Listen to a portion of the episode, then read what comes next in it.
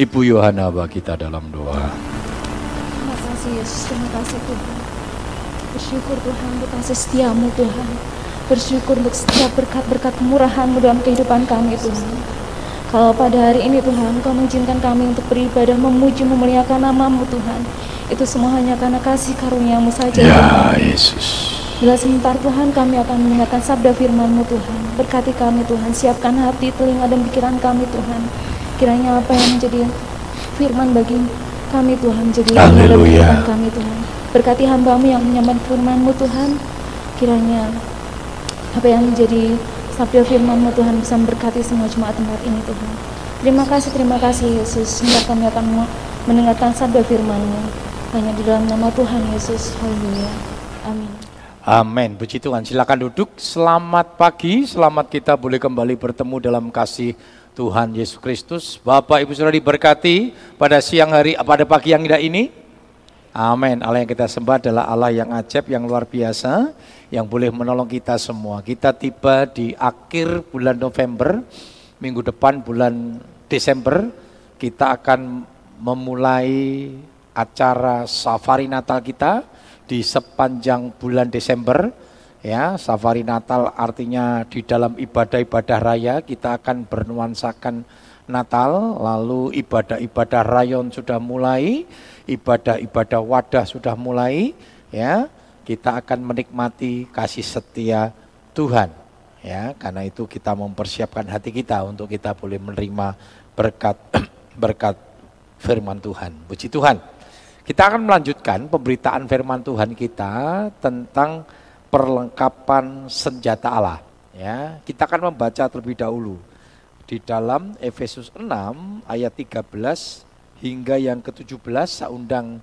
Sekali lagi kita bangkit berdiri. Kita akan membaca ayat ini secara bergantian. Saya ayat yang ganjil Bapak Ibu Saudara ayat yang genap ya. Efesus 6 ayat 13 hingga 17 demikian firman Tuhan Sebab itu ambillah seluruh perlengkapan senjata Allah supaya kamu dapat menga- mengadakan perlawanan pada hari yang jahat itu dan tetap berdiri sesudah kamu menyelesaikan segala sesuatu.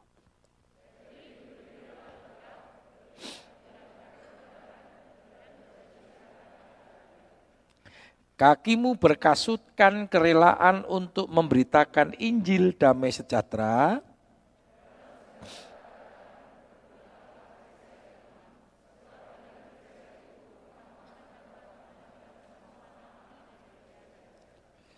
Dan terimalah ketopong keselamatan dan pedang roh, yaitu firman Allah. Puji Tuhan, silakan duduk. Kenapa Allah memperlengkapi kita dengan senjatanya, senjata perlengkapan Allah? Peperangan kita bukan melawan darah dan daging. Kalau melawan darah dan daging, persiapan kita beli pistol saudara, beli M16, beli granat dan sebagainya. Negara-negara sedang mempersiapkan diri untuk peperangan saudara ya. Ini sudah mulai memanas suasana-suasana di dunia. Nggak usah takut, nggak usah ini, karena itu sudah bagian dari firman firman Tuhan. Tetapi yang paling penting, peperangan kita dikatakan bukan melawan darah dan daging, ya, bukan melawan manusia. Manusia itu adalah objek kasih. Jadi manusia bukan menjadi objek kebencian. Manusia bukan menjadi objek kejahatan, walaupun dunia sering kali menjadikan manusia itu objek kejahatan, ya, uh, objek untuk menyatakan apa sikap hati yang tidak baik makanya terjadi pembunuhan dan sebagainya yang kita ikuti hari-hari ini. Kemarin ada juga kakek yang membunuh eh sorry cucu yang membunuh kakeknya. Saya pikir waduh ini sudah dunia ndak luar biasa sudah ya kalau kita kembali ke firman Tuhan manusia itu adalah objek kasih bukan menjadi objek kejahatan nah musuh kita bukan darah dan daging musuh kita itu penggulu-penggulu di udara karena itu Allah memperlengkapi kita dengan senjata perlengkapan Allah. Ya, senjata perlengkapan Allah sudah diberikan sama kita, sekarang persoalannya apakah kita mau mengambil atau tidak. Sekali lagi, Tuhan kasih free will. Tuhan kasih kehendak bebas kepada kita. Kalau saudara perlu merasa perlu Tuhan seperti yang dikatakan di dalam Yeremia 17 itu. Terkutuk orang yang mengandalkan kekuatan manusia artinya tidak mengandalkan Tuhan tetapi diberkati orang-orang yang mengandalkan Tuhan. Ya, kita sudah belajar tentang perlengkapan senjata Allah yang per, yang pertama kemarin kita sudah melihat berikat pinggangkan kebenaran ya lalu e, berbaju sirahkan keadilan. Ternyata keadilan juga bicara kebenaran. Artinya keadilan yang didasarkan kepada kebenaran. Memang hidup kita selalu e, saya selalu katakan ya standar hidup kita bukan melakukan apa yang baik tetapi apa yang benar. Seperti karakter yang kita lihat di dalam Filipi 4 ayat 8 itu ya semua yang benar. Jadi standar kita bukan melakukan apa yang baik, tetapi apa yang benar. Benar di sini bukan kebenaran manusia, karena kebenaran manusia itu bersifat semu. Kitab Mazmur katakan kebenaran manusia itu seperti kain lusuh, kain gombal. Enggak ada kebenaran di dalam manusia, yaitu kebenaran firman Tuhan. Nah, lalu kemarin kita sudah melihat kakimu berkasutkan kerelaan untuk memberitakan Injil damai sejahtera Tuhan. Ya, Injil harus diberitakan saudara. Dan siapa yang memberitakan Injil? Ya kita. Mungkin kita nggak bisa bersaksi, kita nggak bisa ngomong, tetapi minimal melalui hidup kita nama Tuhan dipermuliakan. Ya, ada kuasa Tuhan yang disampaikan. Seperti dalam firman Tuhan dikatakan Korintus ya, kita ini seperti surat pujian yang ter, terbuka. Ketika orang melihat kita, tergambarlah kehidupan Yesus melalui hidup kita. Karena itu Tuhan berkata, hendaklah dalam hidupmu bersama menaruh pikiran dan perasaan yang terdapat di dalam Kristus Yesus.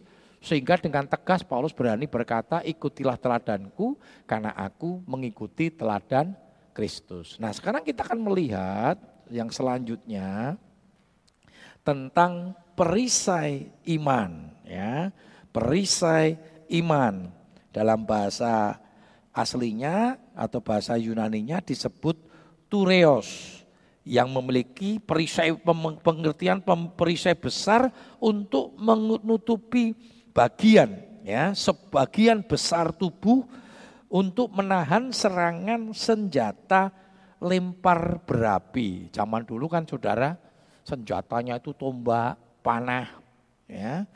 Bahkan panahnya itu dikasih api Saudara. Jadi sekedar bukan nembus ke jantung tetapi bisa membakar. Ya, karena itu perlu perisai iman. Nah, perisai iman ini pengertiannya Saudara mempergunakan perisai iman menyebabkan kita tidak bimbang dan takut menghadapi peperangan rohani. Dikatakan kita harus menggunakan perisai iman untuk mengatasi segala sesuatu tadi dikatakan dalam firman Tuhan ya.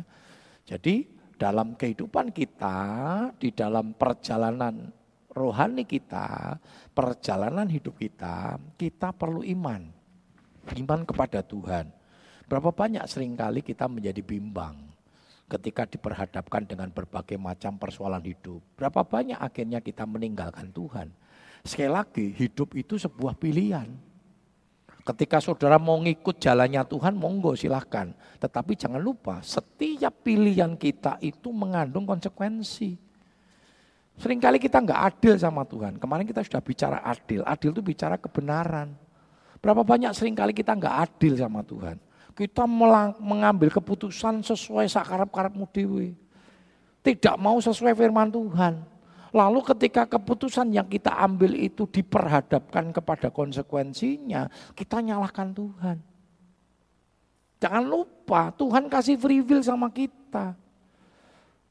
Keselamatan Tuhan sudah kasih dalam Yohanes 3 16 kan. Karena begitu besar kasih Allah akan dunia ini sehingga setiap ia apa setiap orang yang percaya kepadanya tidak binasa. Kata setiap orang itu yang percaya bicara free will. Jadi Allah kita lah yang bertanggung jawab seperti yang dikatakan di dalam Matius 28, 19, 20. Sebelum dia naik ke surga, Tuhan memberikan amanat. Tetapi di tengah Tuhan memberikan amanat, Tuhan juga memperlengkapi. Penyertaan Tuhan, bahkan itu diulang nanti dalam kitab Ibrani. Sekali-kali aku tidak meninggalkan, sekali-kali aku tidak melupakan. Tetapi yang menjadi persoalannya fasilitas-fasilitas yang diberikan Tuhan termasuk di dalam Roma 8 ayat 31 kalau Allah di pihak kita siapa lawan kita itu dituntut pilihan kita. Nah saudara kalau mengambil pilihan hidup dalam kebenaran ya saudara kan menikmati seluruh fasilitas kebenaran firman Tuhan itu. Tetapi ketika saudara mengambil jalannya sendiri jangan nuntut fasilitas Tuhan. Kita sering kali nggak adil, hidup sakarap-karap PDW, milih sakarap-karap PDW, ya perjalanan hidup kita milih sakarap-karap PDW, tapi giliran pemeliharaan saudara nuntut pemeliharaan Tuhan. Tuhan kasih fasilitas, tetapi dengan catatan hiduplah sesuai kebenaran firman Tuhan. Ya, beriman kepada Tuhan. Saksi-saksi iman itu kenapa saudara kita melihat walaupun dia menghadapi berbagai macam persoalan yang digambarkan di dalam Ibrani 12. Saksi-saksi iman itu mengelilingi kita bagaikan awan. Mereka menghadapi rintangan dan pergumulan ya yang diwajibkan dikatakan oleh firman Tuhan. Tetapi hebatnya apa saudara? Hebatnya mereka kenapa disaksikan, dikatakan saksi iman? Karena mereka bisa menyelesaikan itu semua. Kenapa saudara? Karena mereka punya iman iman yang berpengharapan kepada Yesus Kristus. Coba kita lihat di dalam Ibrani 13 ayat yang ke-6. Ibrani 13 ayat yang ke-6 demikian firmannya.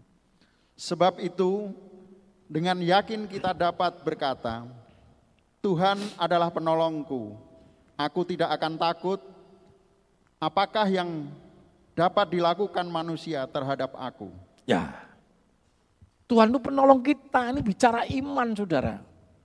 Hidup di dalam iman, hidup di dalam iman itu artinya hidup di dalam kebenaran kepada Tuhan. Kebenaran berdasarkan firman Tuhan. Dikatakan tadi, Tuhan itu penolong.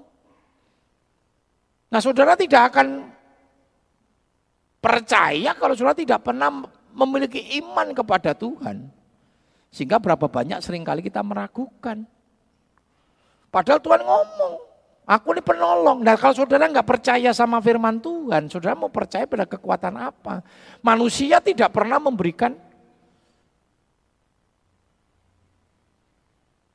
kebenaran yang hakiki.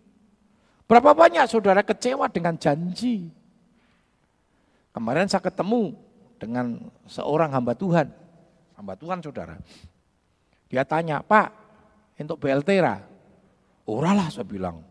Mosok kita GPD Islam jaluk BLT malu-maluin jemaat juga saudara ya. Aku rentuk katanya. Wah radil. Padahal dia punya mobil saudara. Terus saya cerita saudara. Dulu di Solo waktu konversi gas saya pernah ceritakan saudara ya. RW saya takut diprotes sama masyarakat Akhirnya semua warga dimasukkan nggak lihat. Itu miskin, itu kaya, semua dimasukkan. Lalu dia nyeletuk gini sudah, kalau Bapak Saudara masih ingat, saya kan berkata itu tidak adil malah kan gitu. Tapi dia, saya mau ngomong itu nggak adil. Di, sebelum saya ngomong gitu dia nyeletuk, nah itu namanya adil loh. Kok kebalik saya bilang. Saya merasa itu tidak adil. Nah saudara sering kali kita tidak mendapatkan keadilan. Kalau orang ini nggak adil kalau dikasih, saya bilang nek dikasih ya tak protes gue. Wong kowe iki Wah adil lah BLT ya ampun kowe ngisin-ngisini Gusti Yesus saya bilang. Mosok kamu perlu Tuhan, Tuhan wis ngei fasilitas sama kamu saya bilang. Yo perlu, perlu kabeh perlu saudara. Tapi keadilan enggak seperti itu.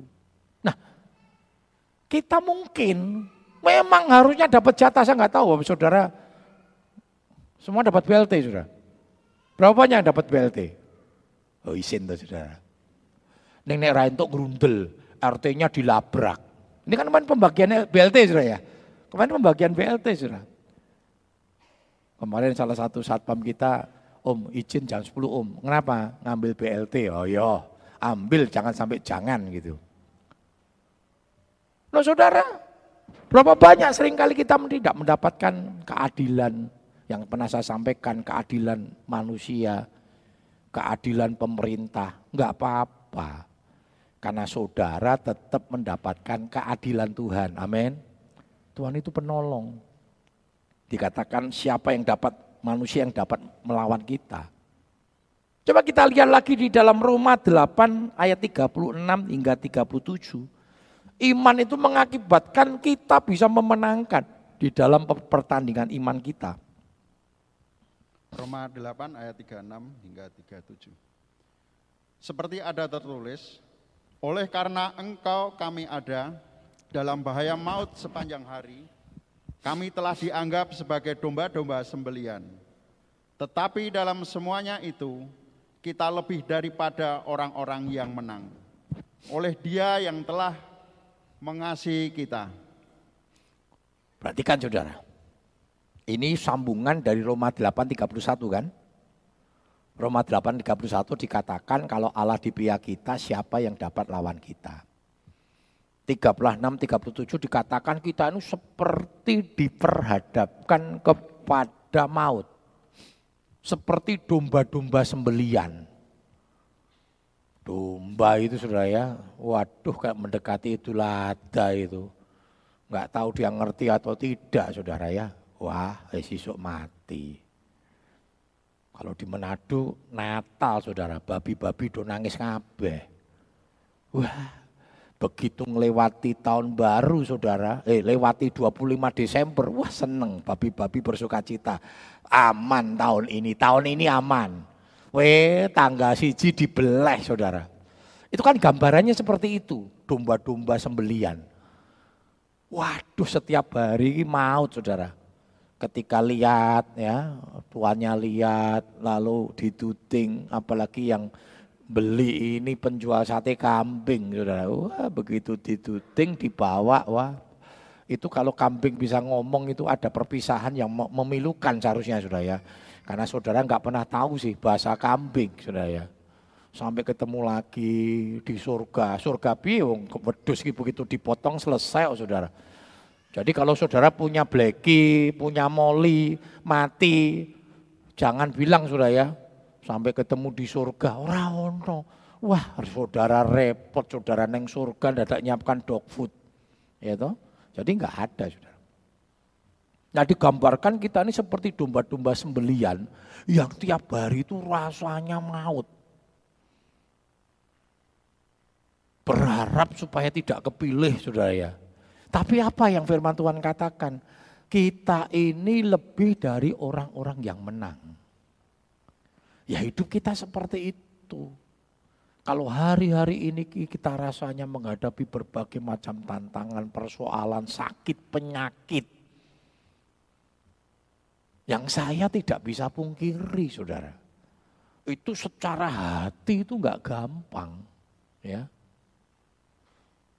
Tapi firman Tuhan katakan kita lebih dari orang-orang menang. Bukan masalah mujizat dari sakit penyakit, tetapi minimal saudara, saudara bisa memenangkan pertandingan iman itu sampai akhir. Itu yang dikatakan oleh Paulus. Paulus itu saudara, ketika dia mengakhiri hidup, kondisi dia mengalami sakit. Dan tetap dalam kondisi sakit. Tapi kalau sudah lihat tulisan-tulisannya kan sudah tidak pernah tahu. Tidak menunjukkan bahwa Paulus sedang sakit. Ketika dia akan mengakhiri hidupnya, Paulus berkata, Aku telah mengakhiri pertandingan dengan baik. Aku telah memelihara iman. Aku telah mencapai garis akhir. Sekarang tersedia mahkota kebenaran. Ini bicara dia Pak bisa memenangkan pertandingan iman. Berapa banyak karena sakit penyakit kita kehilangan iman. Karena persoalan ekonomi kita kehilangan iman. Karena pasangan hidup kita kehilangan iman. Berapa banyak saudara? Berapa banyak itu? Dan lalu saudara berkata, ya ini kan takdir. Takdir siapa? Kita nggak pernah takdir. Tuhan kasih pilihan. Dan pilihan itu yang membawa kita kepada kehendak Tuhan. Dan kehendak Tuhan itu selalu sesuatu yang tidak bertentangan dengan firman-Nya. Jangan saudara melakukan pilihan yang tidak sesuai dengan firman lalu ngomong ini kehendak Tuhan. Siapa yang bilang? Karena itu melangkahlah dengan iman. Melangkah dengan iman itu artinya melangkah sesuai dengan kebenaran. Maka sudah akan dipelihara oleh Tuhan. Walaupun satu kali karena kelemahan kita, karena daging kita, karena kekilafan kita, karena keterbatasan kita, kita jatuh dalam dosa. Ya tidak dipungkiri semua tokoh-tokoh pernah jatuh dalam dosa sudah karena kekilafan dia. Daud itu jatuh dalam dosa yang mengerikan, tapi dia bertobat, Tuhan ampuni, jangan hidup di dalam dosa. Kalau hidup dalam dosa ya dia tidak melangkah dengan iman. Daud melangkah dengan iman buktinya apa? Ketika jatuh dalam dosa dia menangis, dia minta ampun sama Tuhan. Ya. Saudara, selanjutnya ketopong keselamatan. Ya. Ketopong keselamatan ini berfungsi untuk melindungi kepala dan otak sebagai pusat pikiran dan kehendak. Ya, Roma 12 ayat 2 bisa dibacakan. Roma 12 ayat yang kedua. Janganlah kamu menjadi serupa dengan dunia ini, tetapi berubahlah kamu oleh pembaharuan budimu, sehingga kamu dapat membedakan mana yang manakah kehendak Allah, apa yang baik, yang berkenan kepada Allah, dan yang sempurna. Iya. Ya, ketopong keselamatan. Itu helm sudah ya. Helmnya. Helm itu tujuannya untuk keselamatan. Sama saudara. Kita ini kadang kan merasa hebat, orang nganggo helm. Padahal begitu jatuh geledak saudara. Ya sudah. Saya nggak tahu apa alasan sudah nggak mau pakai helm itu saya nggak tahu. Masih banyak ya, padahal gembalanya harus nginget ke loh sudah. Wah dengan santainya numpak motor neng gereja tanpa helm. Padahal helm itu untuk keselamatan kita. Sekali lagi pilihan. Jangan salahkan nanti ya ketika sesuatu terjadi. Waduh sayang ranggo helm. Kebacut butak ndase baru pakai helm. Berapa banyak kita seperti itu? Masih ingat? Tuhan katakan tubuhmu adalah bait roh kudus. Kapan saudara menjaga tubuh? Kalau takut mati. Berapa banyak itu terjadi? Sudah terlambat terjadi penumpukan.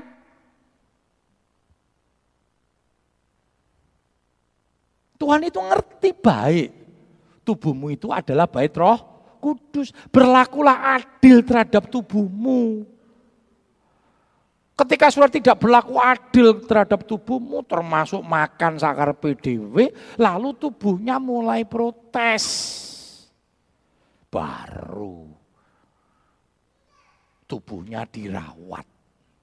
Padahal firman Tuhan udah ngomong loh.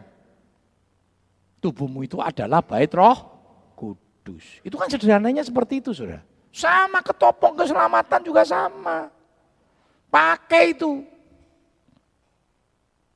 melindungi kita, pikiran kita. Di dalam otak kan ada pikiran kita. Maka dikatakan tadi, jangan serupa dengan dunia ini. Supaya kita dapat membedakan mana kehendak Allah. Nah sudah kita lihat sama-sama. Mari kita jaga. Pikiran kita kita jaga. Ya, Amsal 4:23 katakan apa? Jagalah hatimu dengan segala kewaspadaan. Sebab dari situlah terpancar kehidupan. Dosa dimulai dari situ, saudara. Kita perlu jaga betul-betul. Dengan ekstra kita jaga pikiran dan perasaan kita. Jangan nuruti karpe dewe, saudara. Jangan nuruti karisma dan jangan membenarkan sesuatu yang tidak sesuai dengan firman Tuhan. Berapa banyak? Halo rapopo, siapa yang bilang? Kalau Alkitab berkata, oh rapopo. Balas kejahatan dengan kejahatan. Kalau firman Tuhan katakan itu, oh rapopo, lakukan. Tapi kalau firman Tuhan katakan balaslah kejahatan dengan kebaikan. Lah balaslah kejahatan dengan kebaikan. Jangan nanti menyesal, peristiwa sambo menyesal, KB menyesal, terlambat. Itulah manusia toh. Kasihan loh saudara. Saya lihat itu juga kasihan, bayangin ya. Beberapa bulan yang lalu masih gagah sebagai orang yang ditakuti, berwibawa, bahkan dia punya masa depan saudara. Ini orang ini, waduh memang pinter saudara. Sejak dari sekolah itu udah kelihatan pinter. Wah, melesat. Pimpinannya aja dilewati, sudah. Kenapa? Karena pinter. Waktu itu dia merasa, wah hebat ini. Bisa sampai jadi kapolri nanti, saudara. Tapi kita lihat ya. Karena kehendak yang tidak dipimpin oleh roh kudus, sayangnya dia anak Tuhan, saudara ini yang menjadi persoalan. Kekristenan mulai turun, saudara. Banyak teman-teman yang di kepolisian yang Kristen ngomong, peristiwa sambo, saudara. Waduh, membuat orang-orang Kristen ini juga, saudara. Kenapa? Enggak jaga. Enggak bisa dibenarkan, apa pun alasannya, hanya kekecewaan. Karena itu jaga betul itu kehendakmu. Masih ingat ya, Efesus 6, Efesus 5 ayat 16. Pergunakanlah waktu-waktu yang ada karena hari ini jahat. Waktu itu bicara kesempatan dan kesempatan nggak bisa diulang. Saya kira percaya kalau kejadiannya seperti ini, semua yang ikut terlibat nggak mau, ngerti yo, kan gitu sudah ya. Itu kan bahasa, ah ngerti yo, ngerti yo. Makanya ngerti yo, kue ngerti. Tanggap saudara. Ngerti yo manusia nggak ngerti. Karena nggak ngerti, tanyalah kepada yang nger ngerti. Siapa itu? Tuhan. Bagaimana caranya? Hiduplah sesuai dengan kebenaran Tuhan. Tuhan membuat segala sesuatu indah pada waktunya, tetapi manusia tidak dapat menyelami apa yang dikerjakan Allah dari awal sampai akhir dalam kekekalannya. Karena itu kita tidak ngerti. Tadi makanya jangan serupa dengan dunia supaya kita mengerti. Karena kita tidak ngerti, kita bodoh tentang perjalanan hidup tentang hidup ini kan kita bodoh. Bergantunglah kepada yang punya hidup. Kadang kita soknya kalau lihat manusia, wah koyo-koyo oh gitu. Paling ngerti hidup, bahkan makan rapopo, kusumben kan gini, lah koyo ngerti-ngerti oh wae. Kita nggak pernah tahu apa yang akan terjadi besok, saudara. Karena itu belajarlah kepada yang ngerti, yaitu kuasa Tuhan, kehendak Tuhan. Karena itu kita cari kehendak Tuhan terus. Ora popo. Nikah dengan tidak seiman ora popo, yaitu pilihan saudara.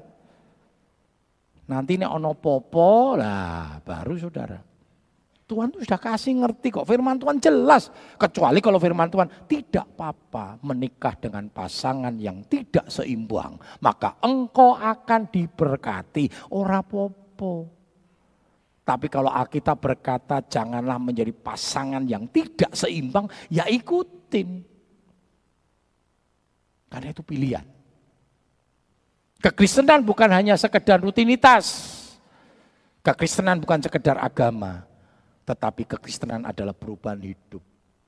dari manusia lama yang hidup berdasarkan keinginan-keinginan atau sifat-sifat duniawi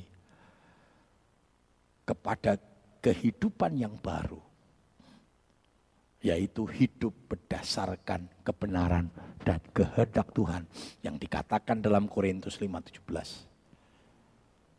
Yang lama sudah berlalu, yang baru sudah datang. Ya. Mari kita sama-sama melihat Saudara. 1 Korintus 2 ayat yang ke-16. 1 Korintus 2 ayat yang ke-16. Sebab siapakah yang mengetahui pikiran Tuhan sehingga ia dapat menasihati, menasihati dia. Tetapi kami memiliki pikiran Kristus. Iya, ya, dikatakan siapakah yang dapat mengetahui pikiran Tuhan sehingga ia dapat menasihati dia, tetapi kami memiliki pikiran Kristus. Mari kita minta sama Tuhan punya pikiran. Kadang memang nggak gampang. Dua geng sering kali berontak, saudara. Belajar. Maka Paulus ngomong, saudara ya, dalam Filipi 3. Yang ku kehendaki ialah mengenal dia. Bahkan dalam penderitaannya sekalipun, karena dia tahu penderitaan Kristus itu mendatangkan kemuliaan. Kalau masih ingat prinsip-prinsip Pantai Kosta Lama, Tidak ada mahkota, sudah. Kalau tidak ada salib. Gereja kami lama di Kepunton, Kebis Kepunton. Kalau Bapak Saudara yang pernah ke sana, sudah ya. Itu diciptakan oleh gembala kami. Perisai emas berbentuk salib. Wah itu tahun berapa sudah ya?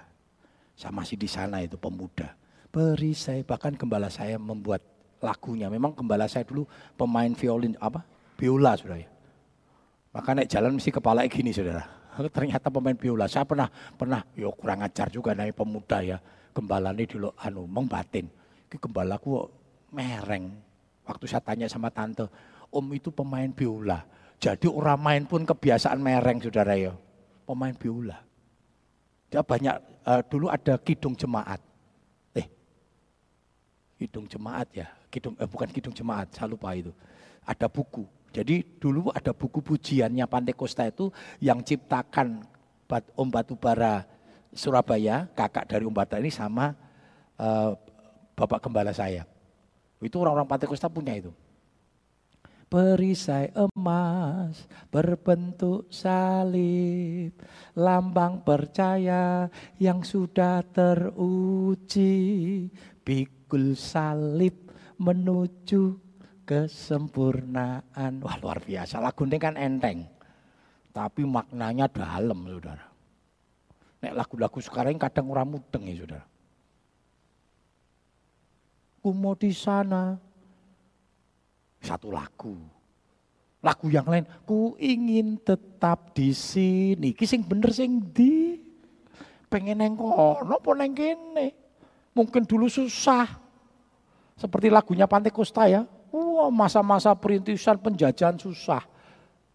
Itu diciptakan oleh Opa Opa Opa Kim Surab uh, Jogja yang kemarin saya ke sana pelayanan Saudara. Biar ku miskin di dunia yang penting kaya neng surga. Karena mikir ke wah neng dunia iyo susah, ora mungkin sugih, ora popo. Sing penting sok ben neng surga kaya raya, iso duwe baby band, iso duwe apa alpat. Sopo saudara? Makanya orang-orang Chinese saudara ya, meninggal sudah seribu hari, dikirimi saudara, alpat dibakar ke duit. Kan gitu sudah. Kalau yang masih bak Konghucu itu begitu meninggal sudah, so, itu enggak boleh berhenti loh sudah. Uang dibakarin terus sudah. Tujuannya apa? Geneng surga iki sangu. Nek ora sangu duit, mesake engko nek ngelak-ngelak iso nggo tuku dawet Saudara. Dipikir dunia seperti itu. Untuk ke dunia sangune opo iman. Rasah meh mati agak waduh. Wong tuane masih hidup ora tau kayak duit, mati dibakar ke duit, Saudara. Inilah kebenaran-kebenaran dunia yang kita tidak bisa salahkan karena mereka tidak mengenal Tuhan. Nah, Saudara mengenal Tuhan. Saudara mengenal Tuhan. Ya. Saudara, Memiliki ketopong keselamatan artinya memiliki pikiran Kristus. Coba kita baca dalam Filipi 2 ayat 5. Filipi 2 ayat 5. Aku mengucap syukur kepada Allahku karena persekutuanmu dalam berita Injil mulai dari hari pertama sampai sekarang ini. Filipi 2 ayat 5. Filipi 2 ayat 5. Hendaklah kamu dalam hidupmu bersama menaruh pikiran dan perasaan yang terdapat juga dalam Kristus Yesus. Iya. Kita harus punya pikiran, punya perasaan Yesus Kristus. Saya udah banyak ini bahas itu. Yang banyak dibahas sudah dilakoke sudah ya. Masih ingat cerita tentang teman saya yang khotbah satu ayat. Jemaatnya protes. Kok mengsa ayat Waktu ditanya, walaupun cuma satu ayat sudah dilakukan belum. Lah itu masalahnya. Gembala ini ngomong, sa ayat urung dilaku. Oke, apalagi minta berayat-ayat, lali kabeh. Apalagi begini saudara, sekarang sudah ada LCD. Saudara mau kurang gak Alkitab ya sudah nggak apa-apa namanya fasilitas saudara. Tapi saya harap sudah pulang nikmati ulang. Itu sama seperti yang dikatakan dalam Mazmur 1. Kesukaannya ialah Torah Tuhan itu artinya suka menikmati firman. Pulang nanti malam sebelum tidur. Itu kan digambarkan seperti binatang memah biak sudah ya. Sudah pernah lihat kambing, sapi memah biak sudah ya. Itu kalau malam orang mangan. Tahu-tahu sik ngunyah, itu dia akan keluarkan sarinya lagi, dinikmati lagi. Nggak apa-apa, sudah nggak bawa Alkitab ora popo. Nggawane HP ora popo, ono cuma ada gembala sing nentang. Jemaatnya harus bawa Alkitab. Kalau tujuannya supaya memberkati LAI saya setuju. Kalau bicara tentang isi kebenarannya, wong podo. Di HP saudara juga LAI. Boleh. Wong hidup itu pilihan. Mereka yang gua Alkitab ya ora dibuka oh, saudara.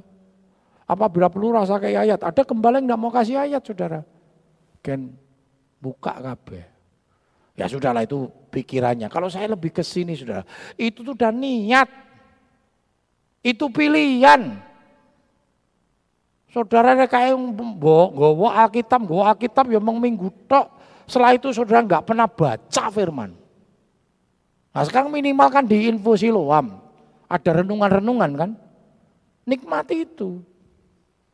Ya, nikmati itu. Karena itu punyalah pikiran dan perasaan seperti Yesus. Punya pikiran dan perasaan seperti Yesus. Yang terakhir, pedang roh saudara. Ya, pedang roh. Nanti kalau kita membaca dalam Filipi 4 ayat 12. Coba kita baca.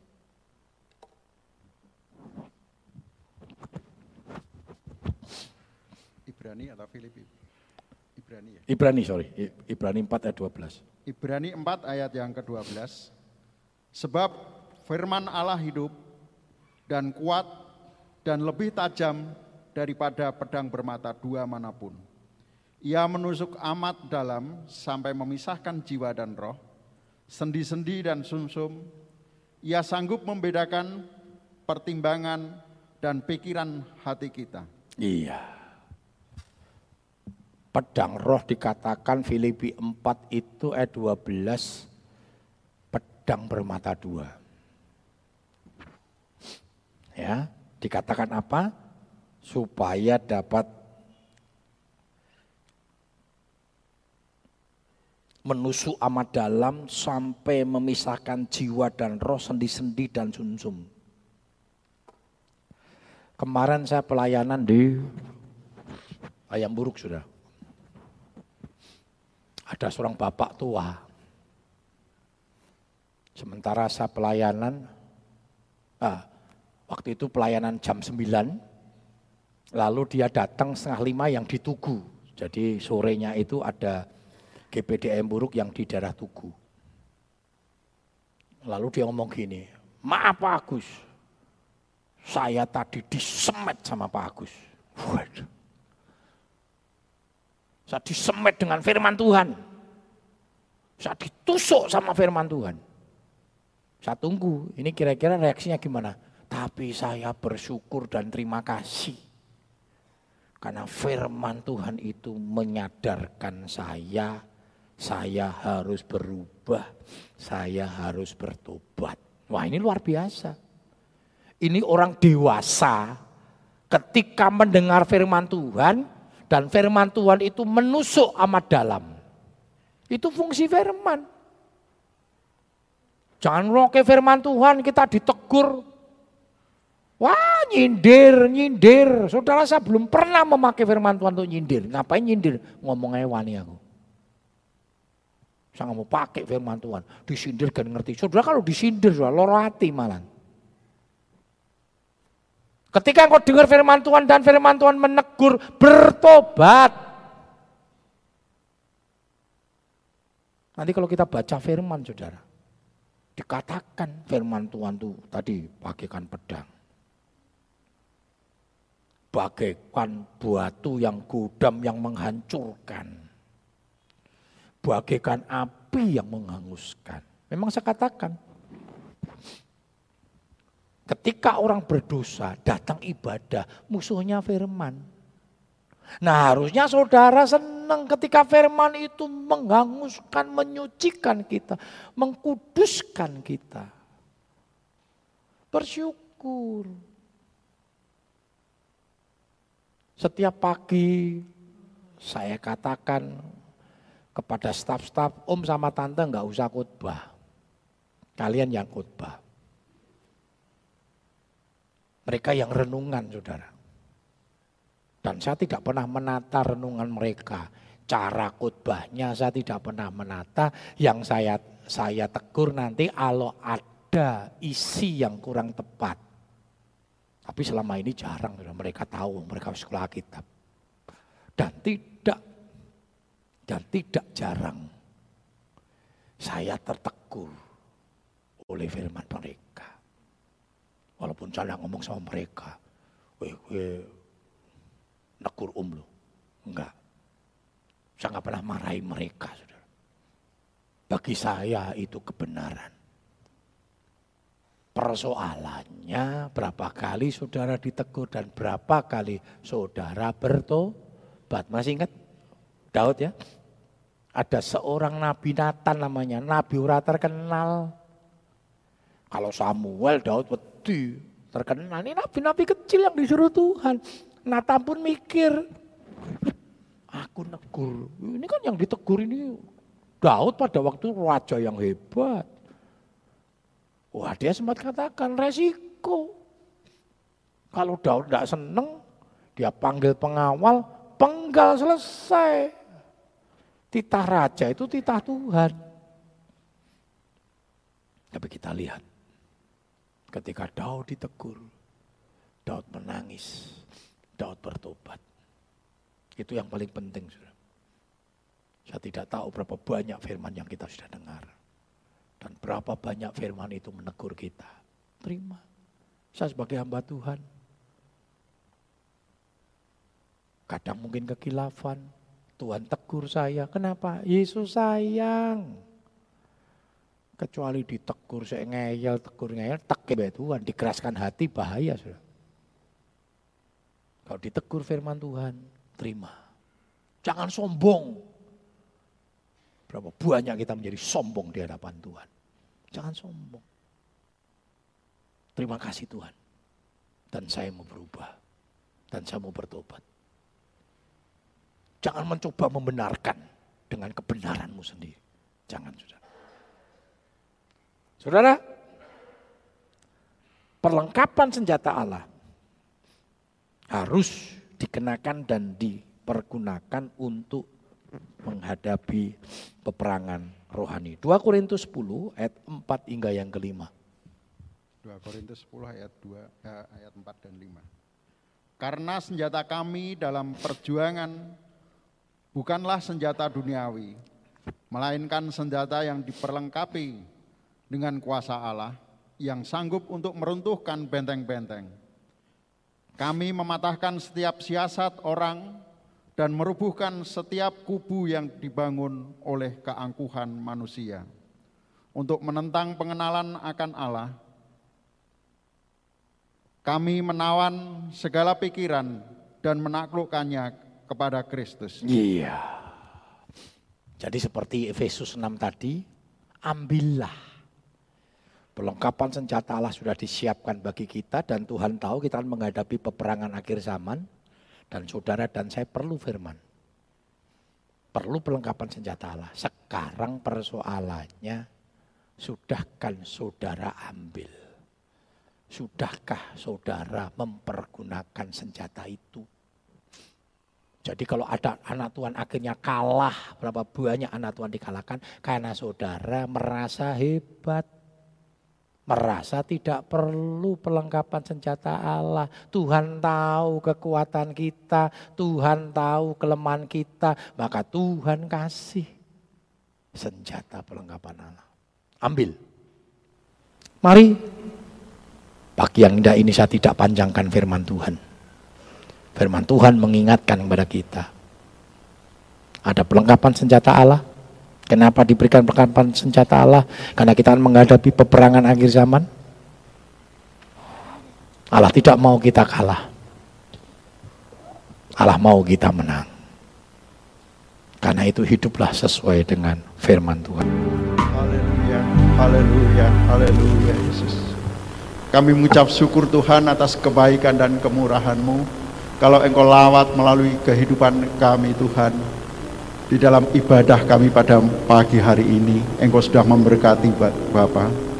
Bahkan melalui kebenaran firman-Mu pada pagi hari ini Tuhan, Engkau boleh berikan kami kesempatan untuk hidup bersama dengan Engkau ya Bapak. Mari Tuhan, apa yang sudah difirmankan melalui hambamu, agar kami boleh mengambil bagian Tuhan, senjata perlengkapanmu yang sudah Engkau sediakan, untuk kami boleh memakai di dalam menghadapi situasi kehidupan kami di dunia ini ya Bapa. Mari Tuhan urapi dengan kuat kuasa roh kudusmu. Biarlah kami benar-benar boleh melakukan apa yang menjadi kehendakmu Tuhan. Engkau boleh menguatkan melalui senjata-senjata perlengkapan yang sudah Engkau berikan kepada kami. Agar kami boleh menghadapi dunia ini sampai akhir hidup kami Tuhan. Terima kasih Tuhan, terima kasih. Engkau juga memberkati hambamu yang sudah menyampaikan kebenaran firmanmu. Pakai di dalam setiap kehidupannya, di dalam setiap pelayanannya Tuhan. Mari engkau tambah-tambahkan roh hikmatmu Tuhan. Agar hambamu ini semakin kuat di hadapan engkau ya Tuhan. Di dalam melayani ini Tuhan banyak jiwa yang dimenangkan Tuhan. Mari Tuhan engkau pimpin di dalam kehidupan selanjutnya. Di dalam pelayanannya Tuhan baik banyak tantangan, banyak rintangan, engkau memberikan kekuatan yang luar biasa, sehingga hambamu ini benar-benar menjadi alat perkakasmu yang luar biasa. Terima kasih Bapak, terima kasih. Kami serahkan kehidupan kami selanjutnya hanya ke dalam tangan kuasamu. Setiap hamba-hambamu, setiap anak-anakmu yang sudah mengambil bagian pada pagi hari ini, engkau juga memberkati. Engkau biarlah yang sakit engkau sembuhkan, yang lemah engkau kuatkan, dan biarlah kuasamu nyata di dalam setiap kehidupan kami. Hanya di dalam nama Tuhan Yesus Kristus kami mengucap syukur dan berdoa. Haleluya. Amin.